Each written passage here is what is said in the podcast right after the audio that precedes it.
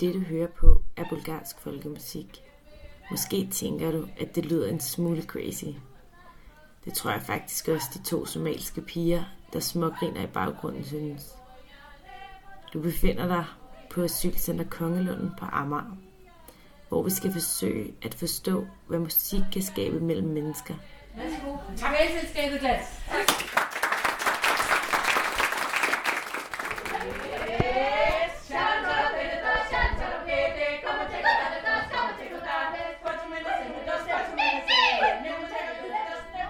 Vi befinder os i et institutionslignende lokale med sterilhvide vægge og gråmaleret plastikgulv. Et par lille stole og sofaer er tilfældigt placeret, og rummet fremstår anonymt i sig selv. Men akkurat nu er en forsamling af forskellige folkeslag samlet i lokalet. De rejser sig op og begynder at hilse på hinanden. Jeg går rundt og hilser med. Hi.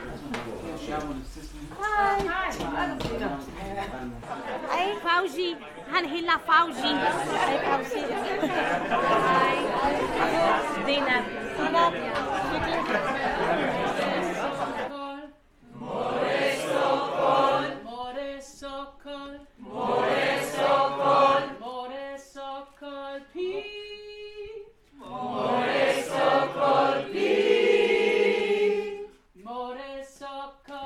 Mellem sangsessionerne tager jeg en snak med et af kormedlemmerne i vokalkoret Glas, Maria Kyne.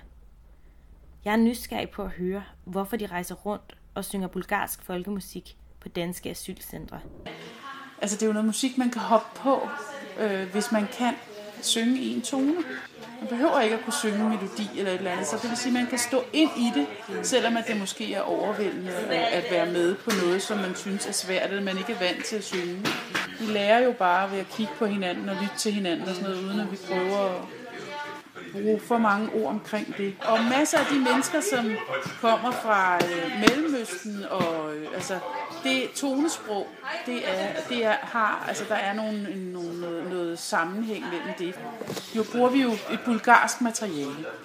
Og det vil sige, at øh, i det her projekt, hvor vi prøver ligesom at øh, skabe et møde mellem nogle mennesker, som gerne skal være ligeværdigt, så gør vi det, at vi synger på et sprog, som ingen kan. Og det vil sige, at alle er på skideren, kan man sige, lige meget på skideren i det her. Der er ikke nogen, der har overtaget, og, så er det, og det er, at vi synger noget, som er nyt materiale også. Vi tager ikke nogen danske sange, hvor så at dem, der er vokset op i Danmark, kan det på forhånd, eller har nogen som helst fordel ved det. Alle er simpelthen i samme båd, når man starter her.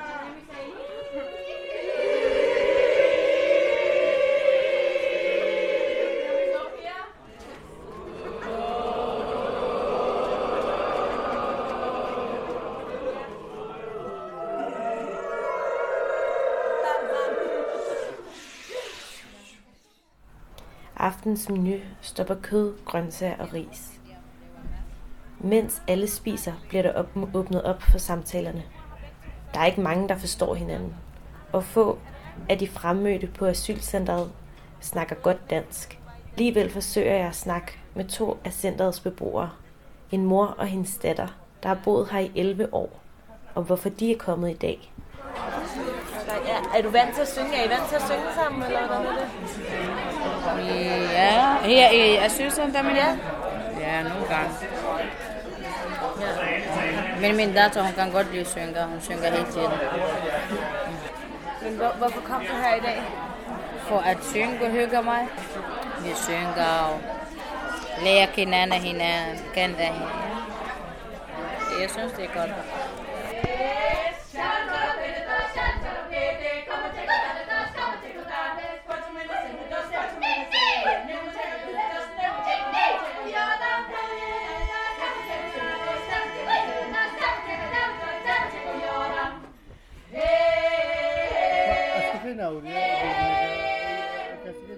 I hjørnet af lokalet sidder en ung herre og noterer på livet løs. Jeg tænker, at der må ligge nogle tanker bag alle de notater. Og ganske rigtigt. Den unge herre hedder Sean Grysensten Fields.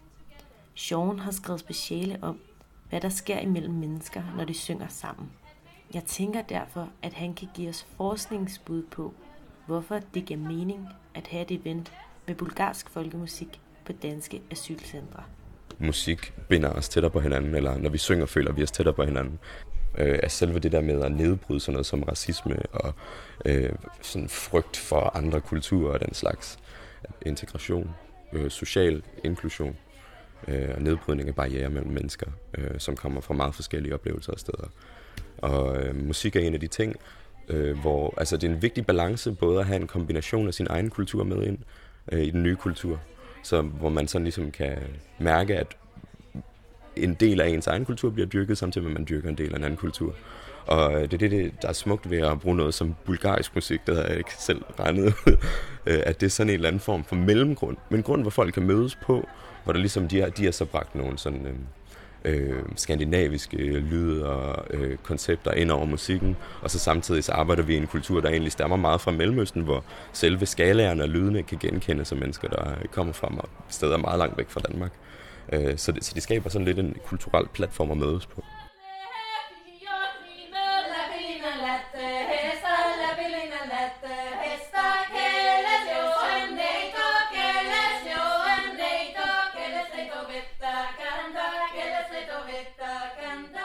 At øh, effekten af den her workshop var ren succes.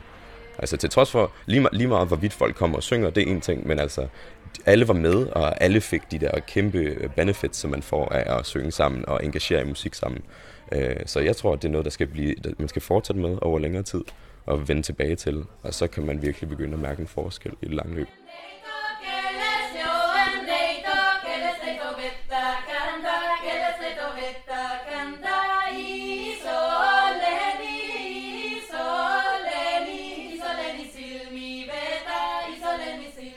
Selvom de to somaliske piger har grint under størstedelen af ventet, så tror jeg alligevel, at det har rørt noget inde i dem. I hvert fald nok til at fremkalde et grin. Det har også rørt noget inde i mig. Bulgarsk, dansk, arabisk, norsk, somali, engelsk. Mange forskellige sprog og mange stemmer, der kun forstår hinanden, når de synger sammen.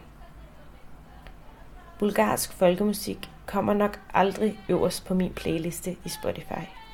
Men både Sean, lokalkoret Glas og beboerne her på Asylcenter Kongelunden, de har overbevist mig. Musikken kan faktisk nedbryde kulturelle forskelle, som ingen politiske beslutninger formår.